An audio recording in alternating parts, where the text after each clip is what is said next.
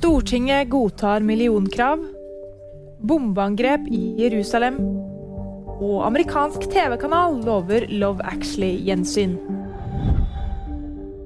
Presidentskapet på Stortinget har nå bestemt seg for å godta skattekravet fra skatteetaten. Dette skjer etter at skatteetaten fant ut at det har blitt betalt feil skatt og arbeidsgiveravgift i til sammen 40 saker. Kravet fra skatteetaten er på litt over 1 million kroner. I tillegg kommer en straffeskatt på nesten 39 000 kroner. Minst elleve sivile er såret, og én person er død etter et bombeangrep i Jerusalem onsdag morgen. En av eksplosjonene fant sted i nærheten av et busstopp i utkanten av Jerusalem, og politiet mistenker at det er et palestinsk angrep. Den andre eksplosjonen var i et nabolag nord i byen. Snart blir det Love Actually-reunion på amerikansk TV. Det skriver det amerikanske magasinet People.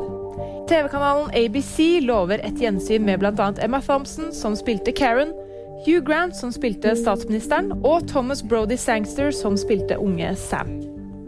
Og VG-nyheter fikk da meg, Fride Ribø Lie.